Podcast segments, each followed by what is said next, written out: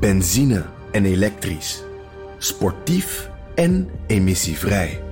In een Audi plug-in hybride vindt u het allemaal. Ervaar de A6, Q5, Q7 en Q8 standaard met quattro vierwielaandrijving. Wat u ook zoekt, u vindt het in een Audi. Audi. Voorsprong door techniek.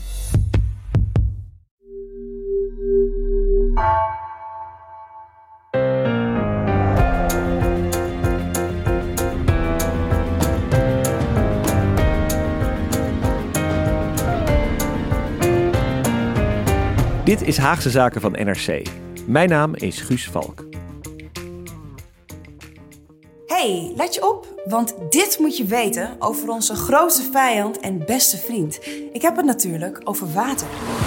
Een goede waterkwaliteit in beken en rivieren is onmisbaar voor mensen, dieren en planten. Goed waterbeheer is belangrijker en uitdagender dan ooit. Door de stijgende zeespiegel, extreme neerslag, maar ook door extreme droogte. Waar beschermen we het water tegen de mens? En waar de mens tegen het water? Stem ook op 15 maart tijdens de waterschapsverkiezingen.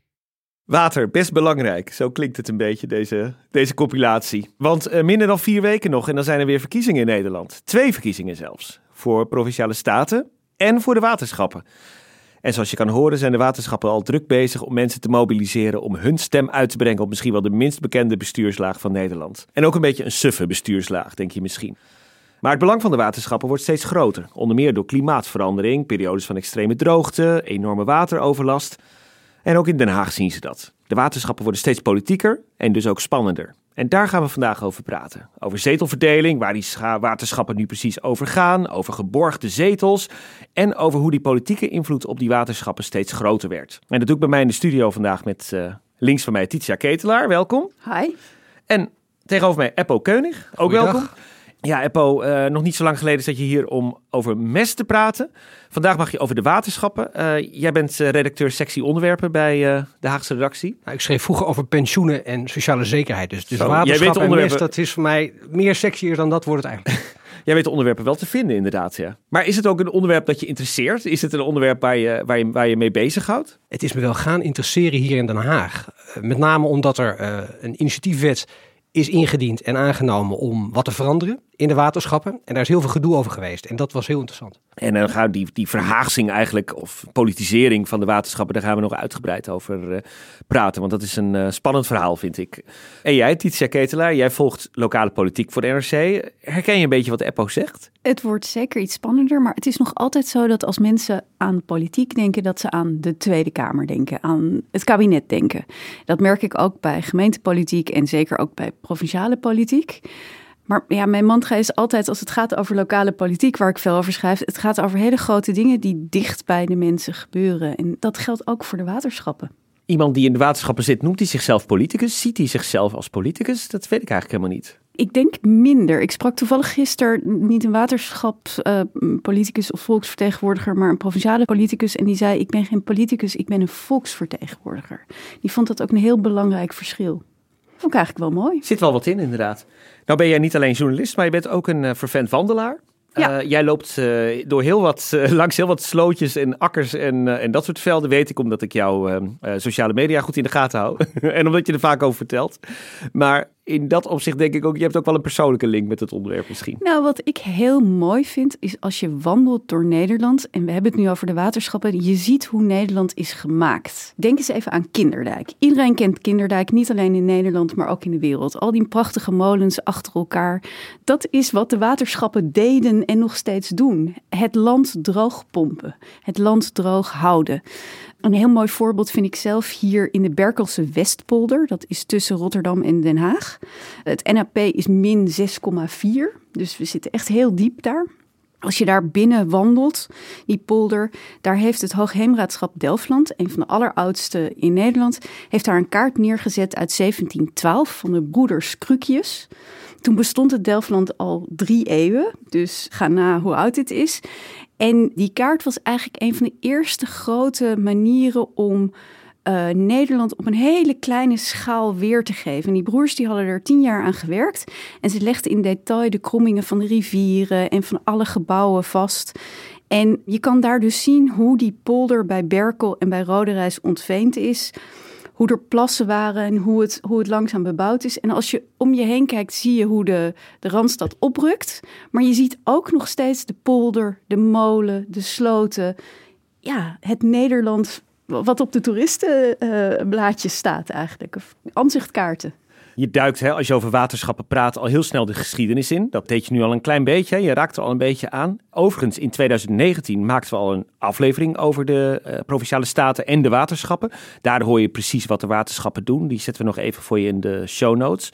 Maar nog even over die geschiedenis, hè? want die zegt heel veel ook over het Nederland van nu. Hoe het Nederland van nu is ingericht en hoe er beslist wordt en waar er beslist wordt over hoe Nederland eruit ziet. Hoe is deze oudste bestuurslaag van Nederland eigenlijk ontstaan? Nou, precies waar we het vandaag over gaan hebben: over water. Graaf Willem II van Holland in 1255 besloot dat er een, uh, de Spaarndam, dat daar geen werkzaamheden aan mochten verrichten. Dus die mocht je niet uh, kapot gaan maken zonder overleg. Dus het ultieme polderen. Je moest met elkaar overeenstemming bereiken om op de hoogte te verlagen, te doorbreken, iets te doen. En zijn zoon Floris V, graaf Floris V, die ging dit verder regelen en kwam in 1286 tot het Hoogheemraadschap Rijnland. En dat bestaat dus nog steeds. Met het idee, alle bewoners, in dat geval van Wassenaar tot aan Voorschoten, die dragen bij aan het drooghouden van het land tussen de dijken. En heemraden, dat was een soort ja, mensen die je naar voren schoof, die dat namens jou gingen doen. Die gingen samen met de dijkgraaf, de toezichthouder namens de graaf op de dijken, controleren of het onderhoud goed was. Nou ja, dat is het nog steeds. Ik bedoel, zo simpel is het eigenlijk. Samen betalen wij voor het droog houden en het veilig houden van dit land. En even voor mij begrip, ik wist trouwens helemaal niet voordat je dit vertelde dat een, een heemraad, dat dat dus een functie is. Ja, ik dacht dat dat... het is een parttime functie. Het is de, de wethouders van het waterschap of uh, het vak K of de ministers en de staats. Ja. en en uh, wat ik ook niet wist, maar uh, het, het Hoogheemraadschap en het waterschap, dat is synoniem, hè? Dat ja, dat is synoniem. Ja. In de wet is er geen onderscheid, zijn ze allemaal een waterschap. De Hoogheemraadschappen was de oorspronkelijke naam en met name aan de kust zie je nog dat ze zichzelf Hoogheemraadschap noemen. Oké, dus er zijn eigenlijk een paar taken hè, die horen bij het waterschap. Het moet veilig zijn in Nederland, het, het, water moet schoon zijn en er moet voldoende water zijn en dan dus ook weer niet te veel. Ja. Dat is ongeveer wat het is, toch? Dat is ongeveer wat het is, maar eigenlijk met die drie dingen noem je iets wat steeds belangrijker is geworden. Namelijk, het moet veilig zijn. Nou, we hebben grote overstromingen gehad, um, zowel vanaf de zee als vanaf uh, de rivieren. Maar we hebben ook tegenwoordig steeds vaker bevers en muskusratten die uh, de dijken ondergraven. Het water moet schoon zijn. Nou ja, je wil allemaal uh, schoon water hebben. En de vraag is, hoe zuiver je en hoe, wat voor medicijnresten moeten eruit gehaald worden? En je wil voldoende water hebben. Nou hebben we een paar zomers achter elkaar best wel droogte gehad. En dan is het aan de waterschappen om te bepalen welke gemalen gaan we openzetten, hoe gaan we regelen wie uh, wanneer water krijgt. Uh, gaat de landbouwgrond voor? Gaat de natuur voor?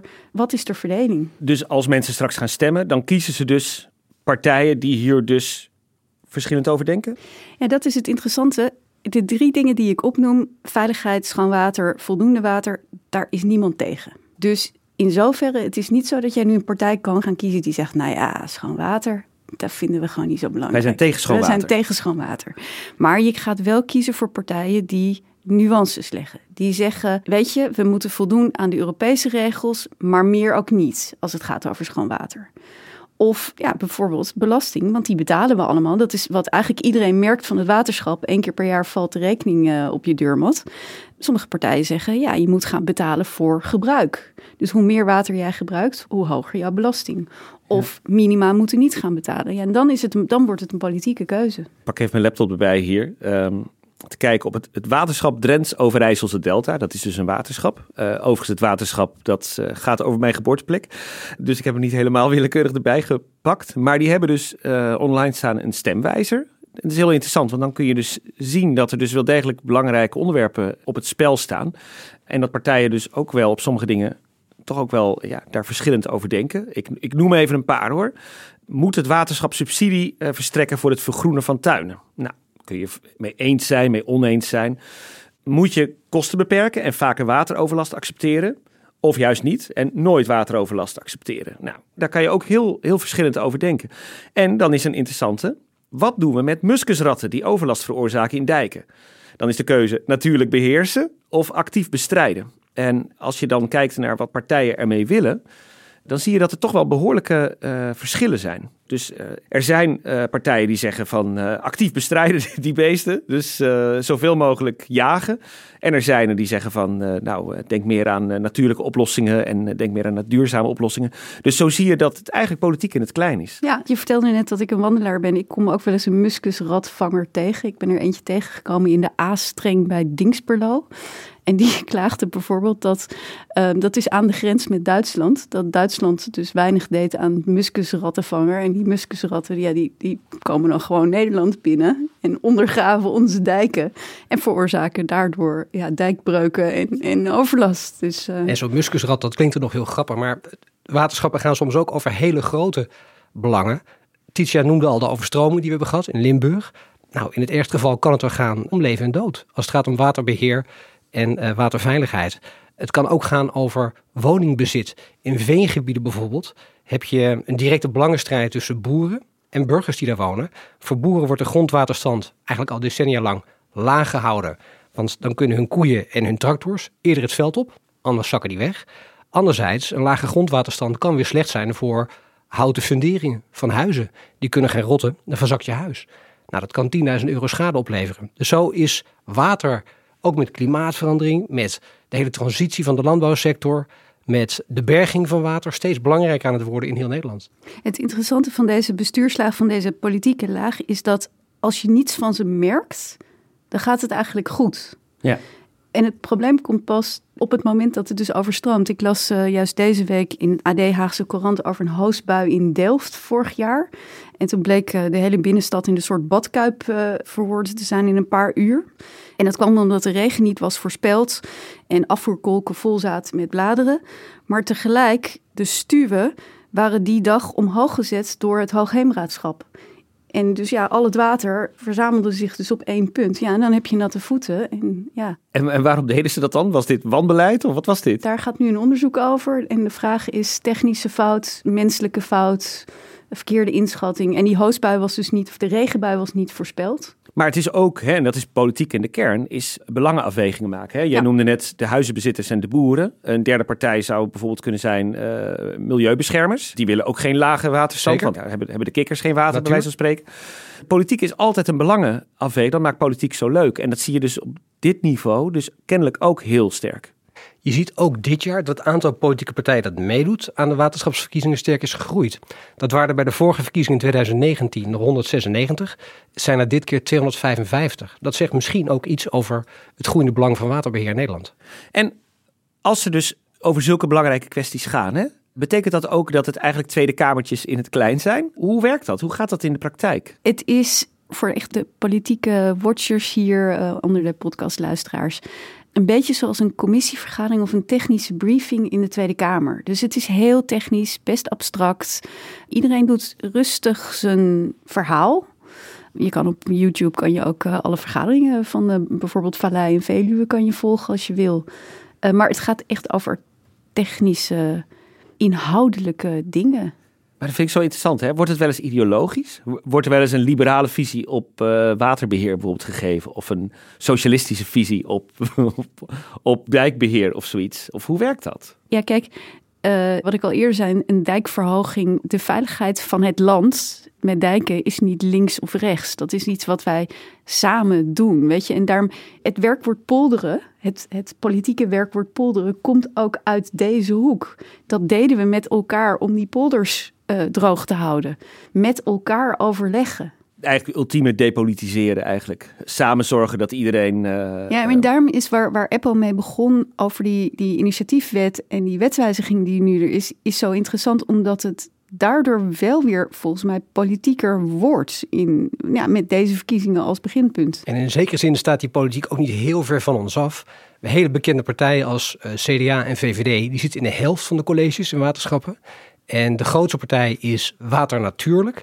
Nou, die wordt gesteund door GroenLinks en D66. Die zit in driekwart van de colleges van, uh, of in de besturen van uh, waterschappen. Waarbij uh, overigens van over het CDA te vertellen valt, daar schreef NRC deze week over dat, dat in provincie Limburg het CDA eigenlijk onder de vlag van de partij lokaal waterbelang meedoet. Dus niet onder de vlag van het CDA, dat zul je ook niet weten dat het CDA is, maar lokaal waterbelang. maar in de praktijk zijn het gewoon CDA'ers die op die lijst staan. Dus in die zin is het gewoon net even ietsje anders.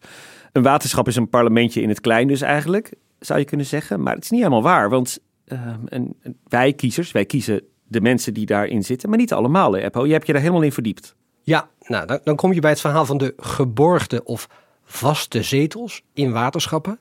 Had ik voorheen ook nog nooit van gehoord. De meeste mensen die dit horen waarschijnlijk ook nog niet. Maar dat was dus dit jaar, uh, eigenlijk eind vorig jaar, groot in het nieuws. Een waterschap heeft een algemeen bestuur en een dagelijks bestuur. Dagelijks bestuur staat onder leiding van een dijkgraaf. Die term kennen mensen wel.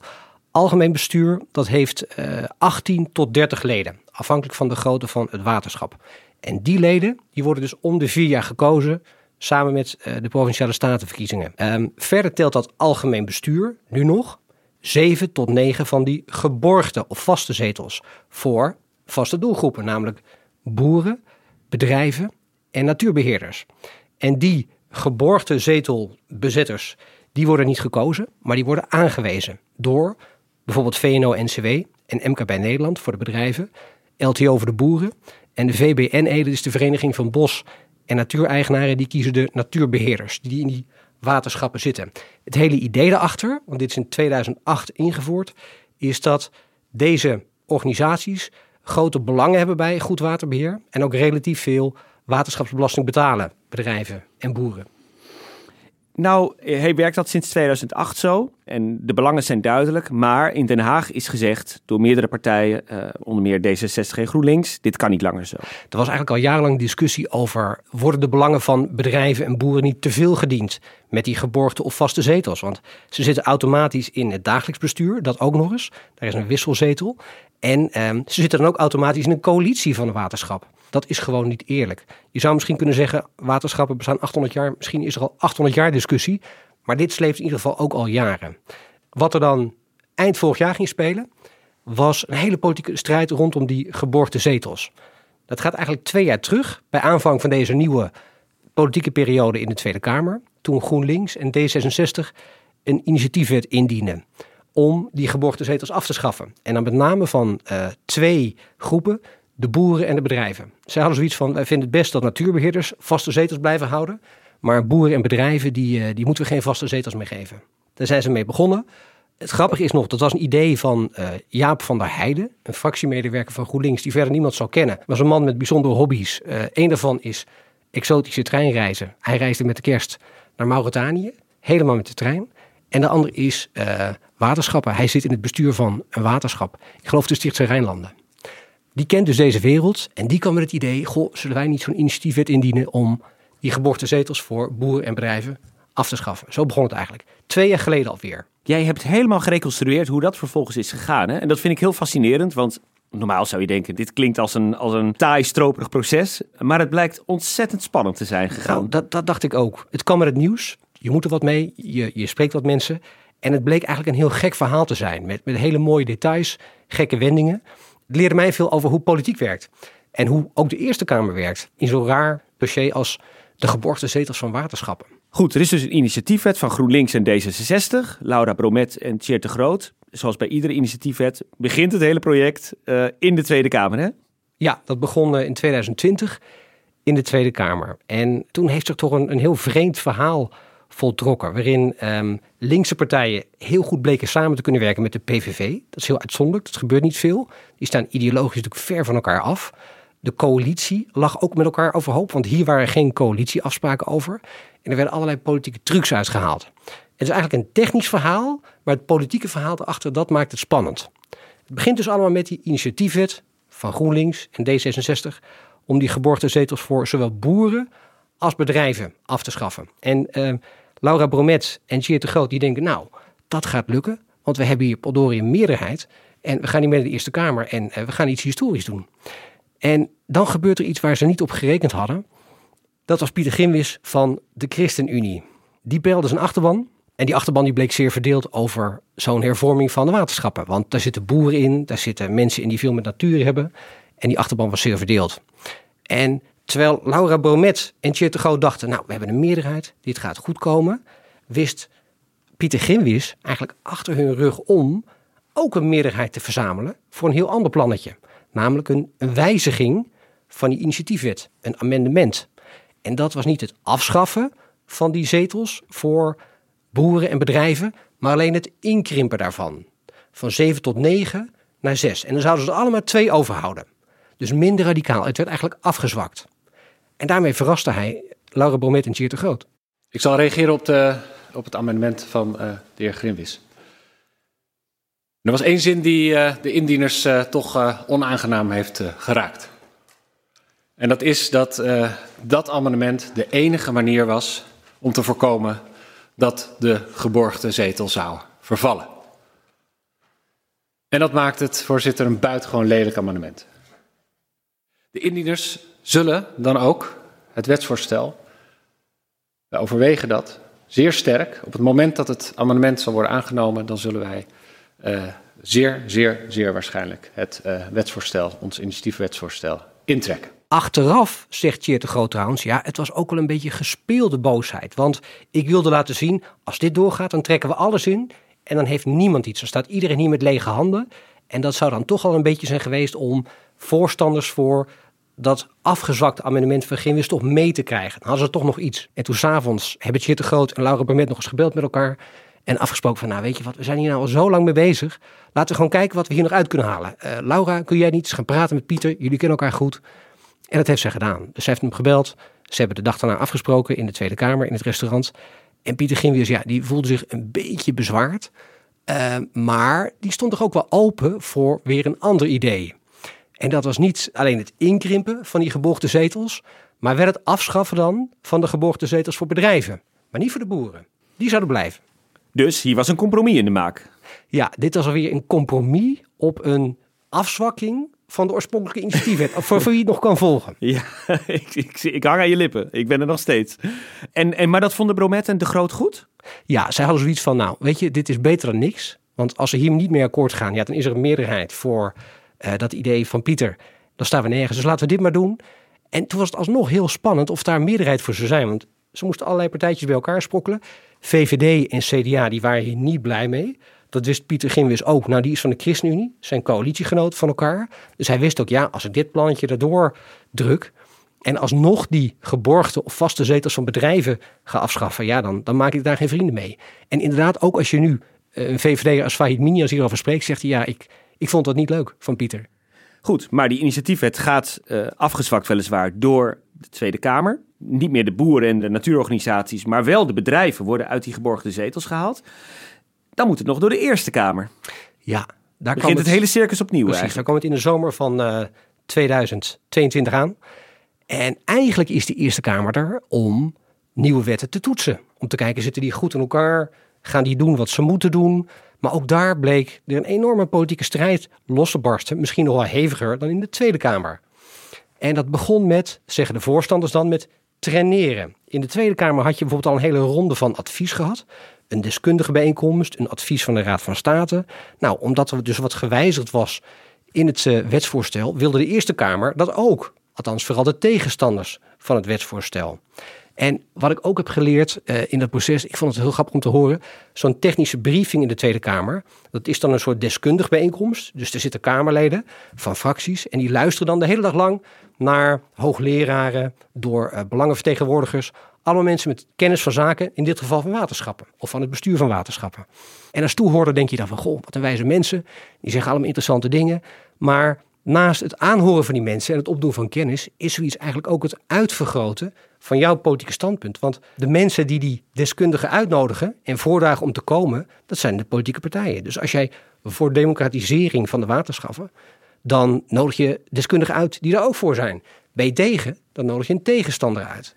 Niets is ook wat het lijkt in Den Haag. hè? Nee, het is hartstikke Dat is zo interessant. Ja, ja. Maar goed, dus dat hele circus begon eigenlijk opnieuw in de Eerste Kamer. En dan wordt het eigenlijk pas echt heel spannend in november van vorig jaar. En dat is allemaal omdat er een harde deadline was. Die eh, nieuwe wet, die moest per se voor 19 december in het staatsblad staan. Vanwege de de, verkiezingen kwamen eraan. de verkiezingen, ja. Ja, dat was de deadline voor de registratie van kandidaten of van partijen bij eh, de waterschapsverkiezingen. En als die 19 december niet gehaald zou worden, zou die hele hervorming vier jaar verschuiven. Naar 2027. Nou, van uitstel komt afstel. En dat, dat wisten de tegenstanders ook. Dus ja, zoals die voorstanders dat noemen, dat traineren, dat was natuurlijk heel strategisch. Het was eigenlijk allemaal bedoeld om die 19 december maar niet te halen. En dan maar verder te kijken. Zand in de machine dus. Zand in de machine. Wat deden de senatoren allemaal? Wat, wat, hoe groot was de trucendoos? Nou, waar de voorstanders het meest verbolgen over waren, dat was dat een aantal tegenstanders niet wilden peren. Moet ik even uitleggen wat dat is? Als je gaat stemmen in de Tweede Kamer of in de Eerste Kamer of in de gemeenteraad of waar dan ook, dan is er een bepaald hoffelijk gebruik. Dat heet peren. Stel je voor dat van het ene kamp iemand ziek is of echt verhinderd, die kan echt niet. Nou, dan is het dus chic, een chique gewoonte om iemand uit het andere kamp niet mee te laten stemmen. Die gaat dan even achter het gordijn staan, stemt dan niet mee en zo laat je eigenlijk de zuivere stemverhouding spreken. Het is geen verplichting, het is informeel. Het is ook niet iets wat een hele fractie besluit. Dat kun je individueel met iemand afspreken of niet, maar het is wel een gebruik. En in dit geval zeiden de voorstanders, ja, zelfs in de Eerste Kamer wilden de tegenstanders niet met ons peren. En dat was heel belangrijk, want zij dachten, we hebben een meerderheid. Ze dachten, toen de beslissende stemming eh, eraan kwam, we hebben een meerderheid van 40 tegen 35 stemmen. We gaan het makkelijk halen, die hervorming van de waterschappen. Maar toen opeens bleek dat er zes mensen van de kant van de voorstanders, die waren uitgevallen. Die konden niet komen. Om hele goede redenen. Eh SP'er Tini Cox, die zit bijvoorbeeld in IJsland voor eh, de Raad van Europa. Je hebt Maarten Verkerk van de ChristenUnie, die moest naar Kazachstan voor een waarnemingsmissie voor de presidentsverkiezingen eh, in dat land. Iemand was ernstig ziek, die is inmiddels overleden. Dat is Peter Ester van de ChristenUnie. Tineke Huizinga, oud-minister, die had corona. Er was iemand gevallen, een PVV'er, Ton van Kesteren, en die moest naar het ziekenhuis. En Paul Rozemuller, die we nog kennen van eh, GroenLinks, als eh, leider van die partij, die had notabene op die dag van de stemming de uitvaart van zijn moeder. Dus zes mensen uit het kamp voor, die waren afwezig en ze stonden opeens op één in de min. En daarin wilden ze dus vragen van, kunnen jullie niet met ons peren, want dan hebben we weer een eerlijke stemverhouding. Nou ja, en, en dan zie je dat toeval een hele gekke rol kan spelen in zo'n verhaal. Eigenlijk op de dag van de stemming, dat was 22 november geloof ik, stapt eh, een tegenstander van die hervorming van de waterschappen, Ria Omen van het CDA, ochtends in een taxi naar het station om de trein naar Den Haag te pakken om te gaan stemmen. Zij wordt onwel en ze wordt naar het ziekenhuis gebracht in Roermond en ze kan niet meestemmen. Waardoor opeens de verhouding weer gelijk was. En die dag is ook gestemd. En toen werd het 34-34. En toen staakten de stemmen. En toen werd de stemming weer een week uitgesteld. Dus zo kan het lopen. Gewoon gek toeval. Hoe is dit afgelopen? Nou, wat nog bijzonder was, ik, je, je moet zoiets journalistiek checken natuurlijk allemaal. Dus je gaat heel veel mensen bellen. En eh, ik kwam er eerst niet wijs uit hoe dat zat met dat peren. Want de voorstanders zeiden, ze wilden niet peren. Tegenstanders zeiden, wij wilden best peren. Het was voor mij als journalist nog best lastig om te checken bij de partijen die dan niet wilden peren. De VVD, CDA, Ja21 en SGP. Maar het bleek allemaal te gaan om een sluwe tegenmotie van de SGP. Dus je had het wetsvoorstel van GroenLinks en D66. Maar de SGP in de Eerste Kamer, toch een keurige partij doorgaans, die had een motie ingediend die eigenlijk zei, weet je wat, neem het maar weer mee naar de Tweede Kamer, draai het maar weer om, repareer het maar weer. En die wilde daar eerst over stemmen. Bij die stemming, over die motie, wilden ze niet peren. Dus uh, er werd tegen mij gezegd als journalist, nou, wij wilden best peren over dat wetsvoorstel. Het is, het is onterechte kritiek van de voorstanders. Maar ze wilden in feite niet peren bij die, die motie, die dan eerder in stemming zou komen. Ja, wat het hele verhaal onderuit zou halen. Jeetje mine. Ja, geweldig politiek allemaal. Geweldig verhaal, maar de geborgde zetels zijn uiteindelijk verdwenen.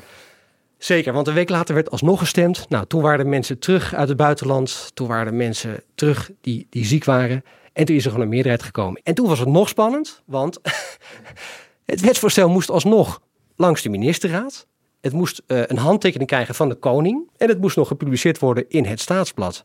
En uh, minister Harbers, die was verantwoordelijk voor dit dossier. En die zei heel neutraal: Ja, ik kan niet haasten, kan ook niet vertragen.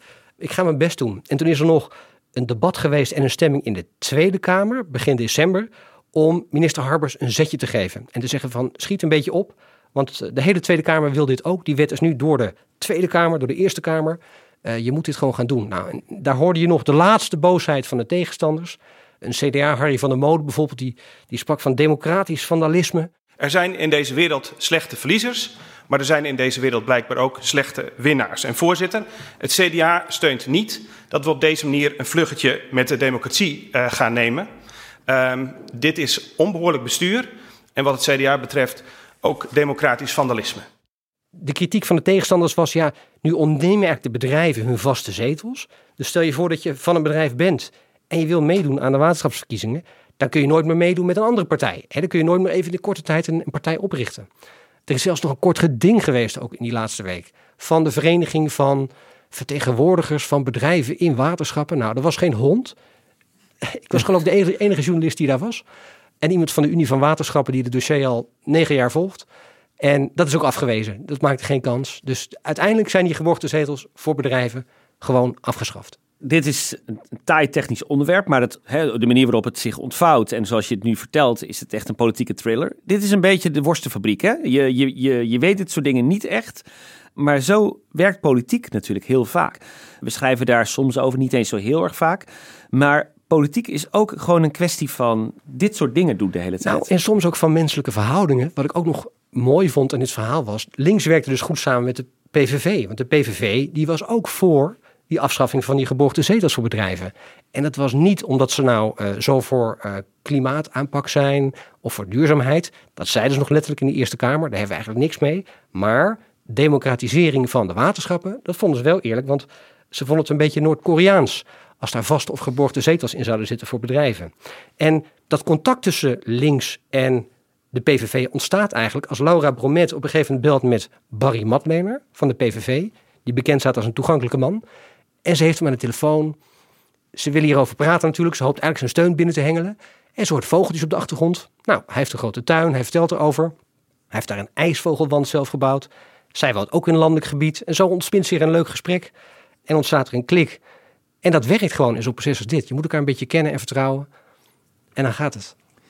Nu uh, is, is die initiatiefwet dus op tijd aangenomen. Nog net zou je kunnen zeggen voor de deadline, voor de volgende verkiezingen. Die bedrijven mogen nu dus niet meer meepraten, niet meer meebeslissen. Hoe kijken zij daarnaar? Ja, je kunt je natuurlijk afvragen, wat heeft het nou allemaal uitgehaald? Er is geloof ik één partij in ieder geval opgericht door een ondernemer. Die heet Ondernemend Water. En die heeft zich ingeschreven voor de verkiezingen, in ieder geval Stichtse Rijnlanden, maar volgens mij ook nog wat andere waterschappen. En ook daar is nog een rechtszaak over geweest, want het was nog wel grappig.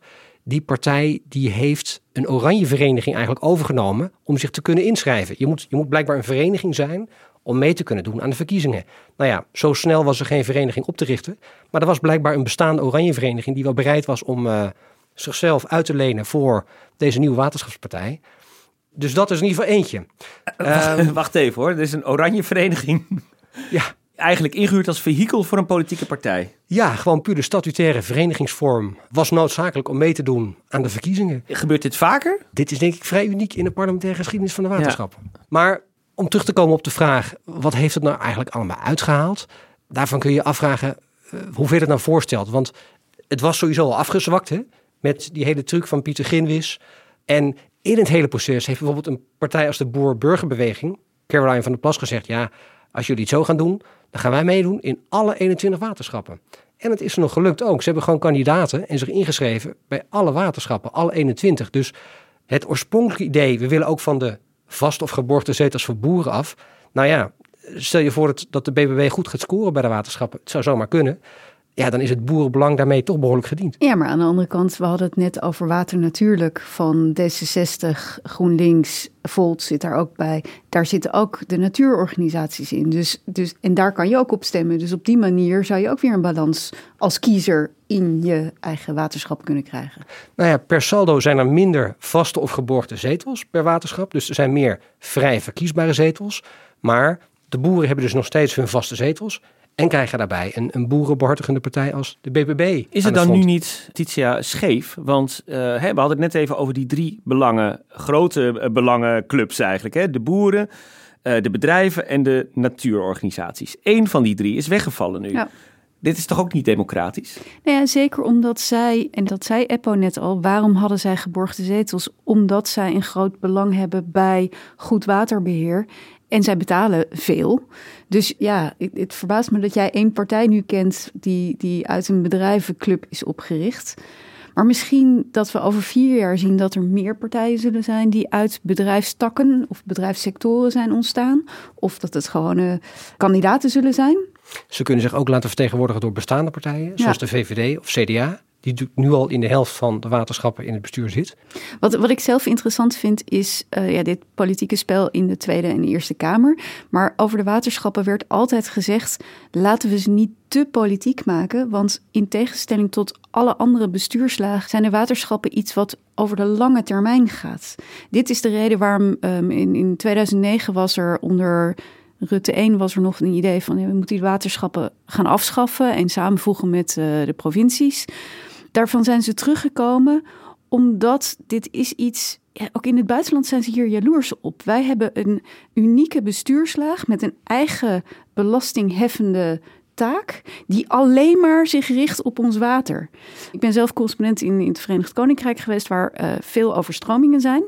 En een van de redenen is die dijken worden daar niet verzwaard. De rivieren worden nauwelijks aangepakt, worden nauwelijks gebaggerd, omdat er geen geld is. Er is geen budget althans, er is wel budget, maar een gemeente of een lokale county-regering uh, of uh, overheid, die moet gaan kijken, ja, willen we het naar het ziekenhuis, willen we het naar de weg, willen we het naar de dijkverzwaringen? Ach, die, die rivier, wanneer zal die nou overstromen?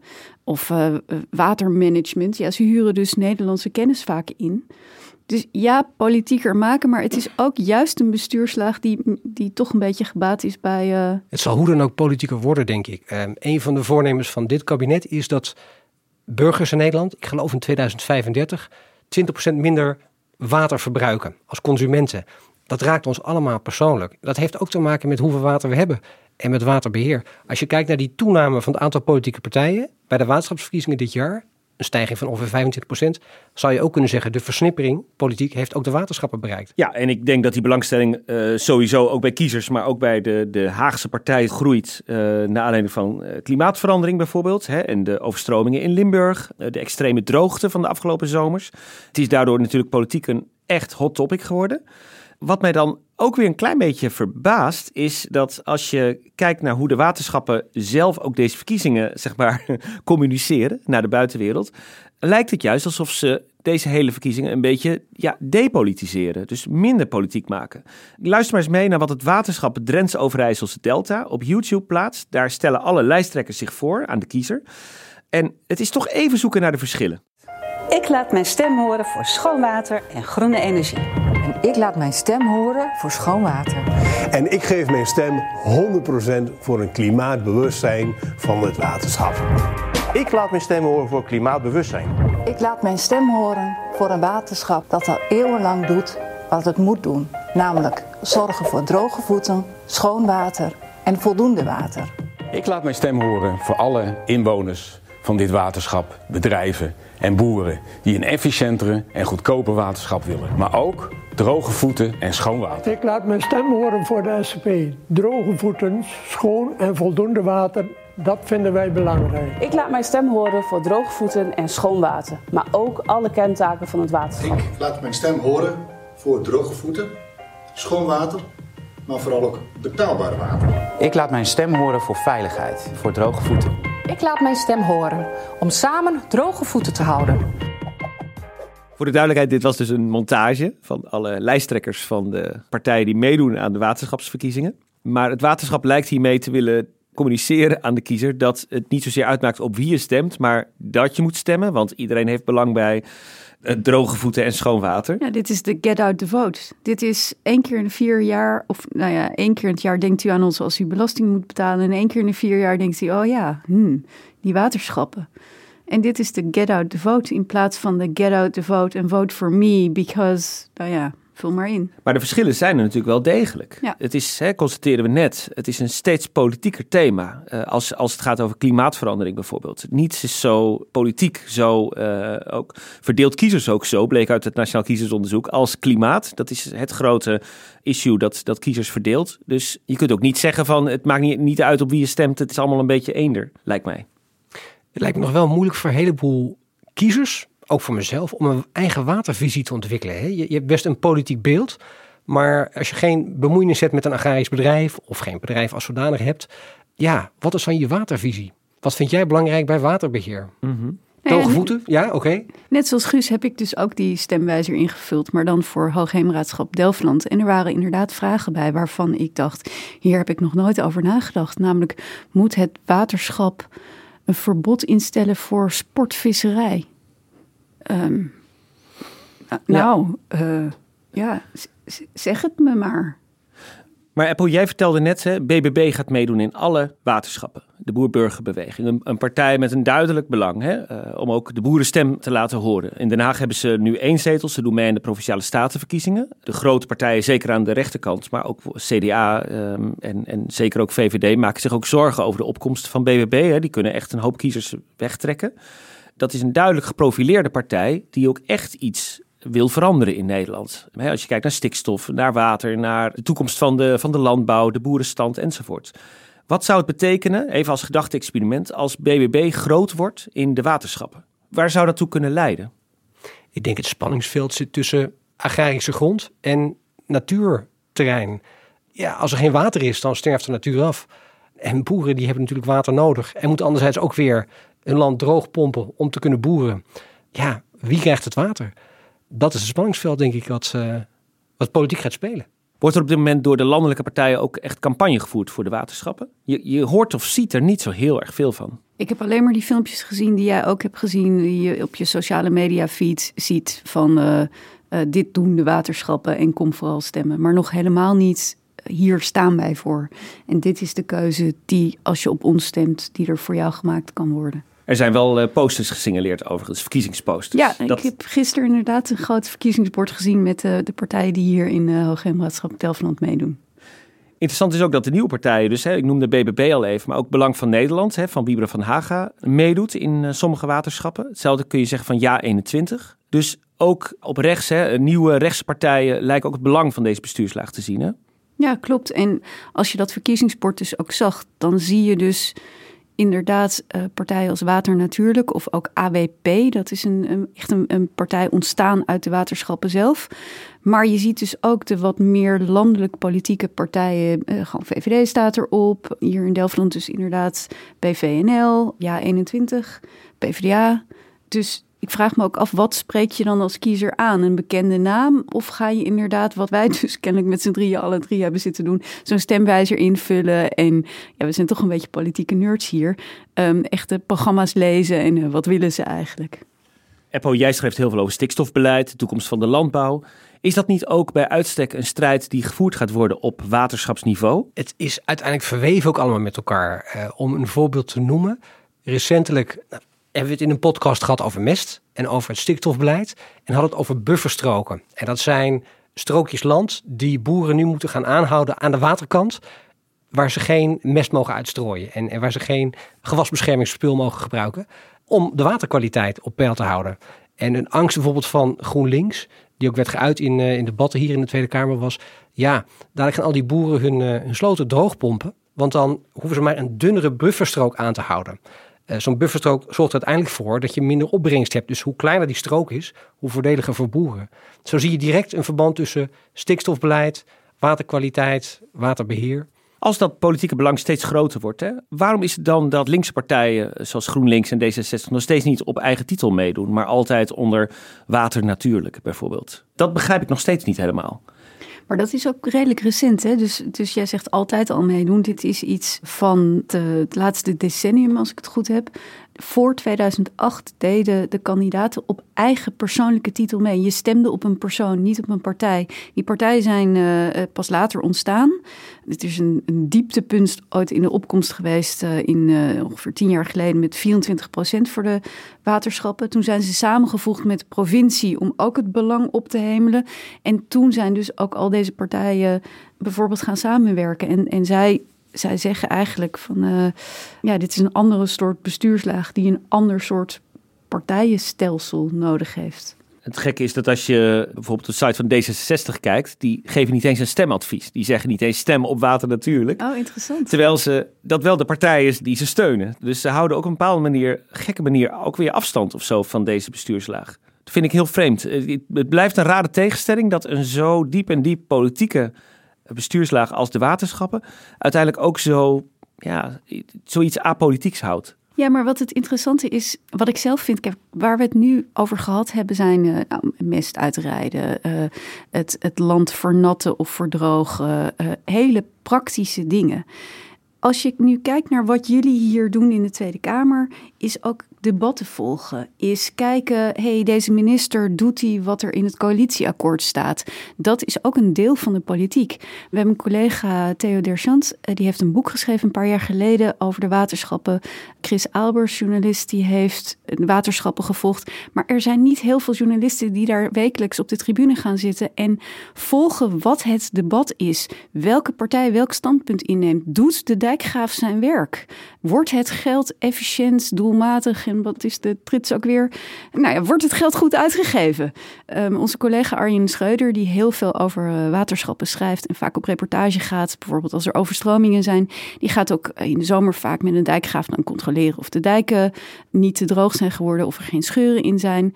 Hoeveel geld geven ze daaraan uit? En zijn die dijken dan uh, toekomstbestendig? Dat zijn allemaal journalistieke vragen, maar ook vragen voor kiezers die wij niet aan elkaar stellen. En dat maakt ook zo'n bestuurslaag misschien politieker als wij daar de komende vier jaar. We zouden er eigenlijk allemaal veel, ook als Haagse journalisten, vaker moeten zitten. Om te zien wat daar, waar, waar het gesprek over gaat. Ja. Er zijn zeker vakbladen, agrarische vakbladen, die hier heel goed over schrijven hoor. Die lopen hier ook rond, aardige collega's. Het zijn meer journalisten zoals wij die dit, uh, thema meer en meer zullen gaan oppakken. Nee, ja, maar dat ook, belangrijk maar ook, voor iedereen. Maar ook de kiezer. Als je één keer in de vier jaar gaat stemmen, dan wil je eigenlijk aan het einde van de vier jaar wil je weten: oké, wat is er met mijn stem gebeurd? Ik heb op jullie gestemd in 2009. Het is nu 2023. Wat hebben jullie eigenlijk gedaan de afgelopen vier jaar? Dat wil ik best in zo'n campagnefilmpje horen. Heb je het idee dat het überhaupt leeft? Hoor jij, jij, jij, jij, wandelt veel door Nederland. Niet dat wij nooit met Nederlanders praten, maar jij wandelt veel door Nederlanders. En, en door gebieden die waterrijk zijn, zal ik maar zeggen. Heb jij het idee dat het überhaupt leeft? Nou, je merkt wel dat mensen weten wat het waterschap is als je op bepaalde plekken bent. Dus ik probeer even te bedenken waar dit was. Daar, daar is een, een beek die was ooit ergens uh, in de vorige eeuw rechtgetrokken en die is weer gaan meanderen. Dat is iets wat het waterschap heeft gedaan. Ja, alle omwonenden weten dat dan en weten dus uh, waarom het is gebeurd. Ik ben een keer een, een man tegengekomen in een weiland bij Ameide. En die was mollen aan het vangen. En daar had hij ook toestemming voor. Want die, die mollen die ondergroeven dus ook allerlei uh, ja, waterinfrastructuur. Waar gaan jullie eigenlijk de komende weken op letten? Waar, waar zal het over gaan, denken jullie? Nou ja, ik ben heel benieuwd hoe de BBB het gaat doen. Die partijen volgen we sowieso natuurlijk voor de Provinciale Statenverkiezingen. Want ook daar is het spannend. Maar ook bij de waterschappen, wat, uh, wat gaan ze daar doen? En wat betekent dat voor uh, het bestuur en het beleid van waterschappen. Ik denk ook dat die discussie over de hervorming van de waterschappen en de waterschappenbesturen door zal gaan. De geboortezetels voor boeren zijn behouden. Maar ja, stel je voor dat BBB groot wordt, dan houdt die discussie niet op. Dat is denk ik wat D66 en GroenLinks ook hopen. Dat dit een stapje was op weg naar een verdere hervorming. Dat het gesprek zal doorgaan. Ik ben vooral benieuwd, en dat, dat is wat ik eigenlijk net zelf zei. Oké, ik ga die stemwijzer ga ik misschien nog een keer doen en nog een keer lezen ja, waar staan de partijen eigenlijk voor? En, en wat gaan zij mij de komende vier weken vertellen? Dus uit hun partijprogramma's gewoon ja, een beetje neurderig uh, gewoon bekijken op wie ik moet stemmen. Gewoon alle partijprogramma's lezen zoals het hoort. Zoals het hoort. Dank jullie wel, Titia Ketelaar en Eppo Keunig. En jij zoals altijd weer bedankt voor het luisteren. De redactie en de productie van deze aflevering waren in handen van Vita van Lennep en Iris Verhulsdonk. Montage Pieter Bakker. Volgende week is er weer een Haagse Zaken. Tot dan.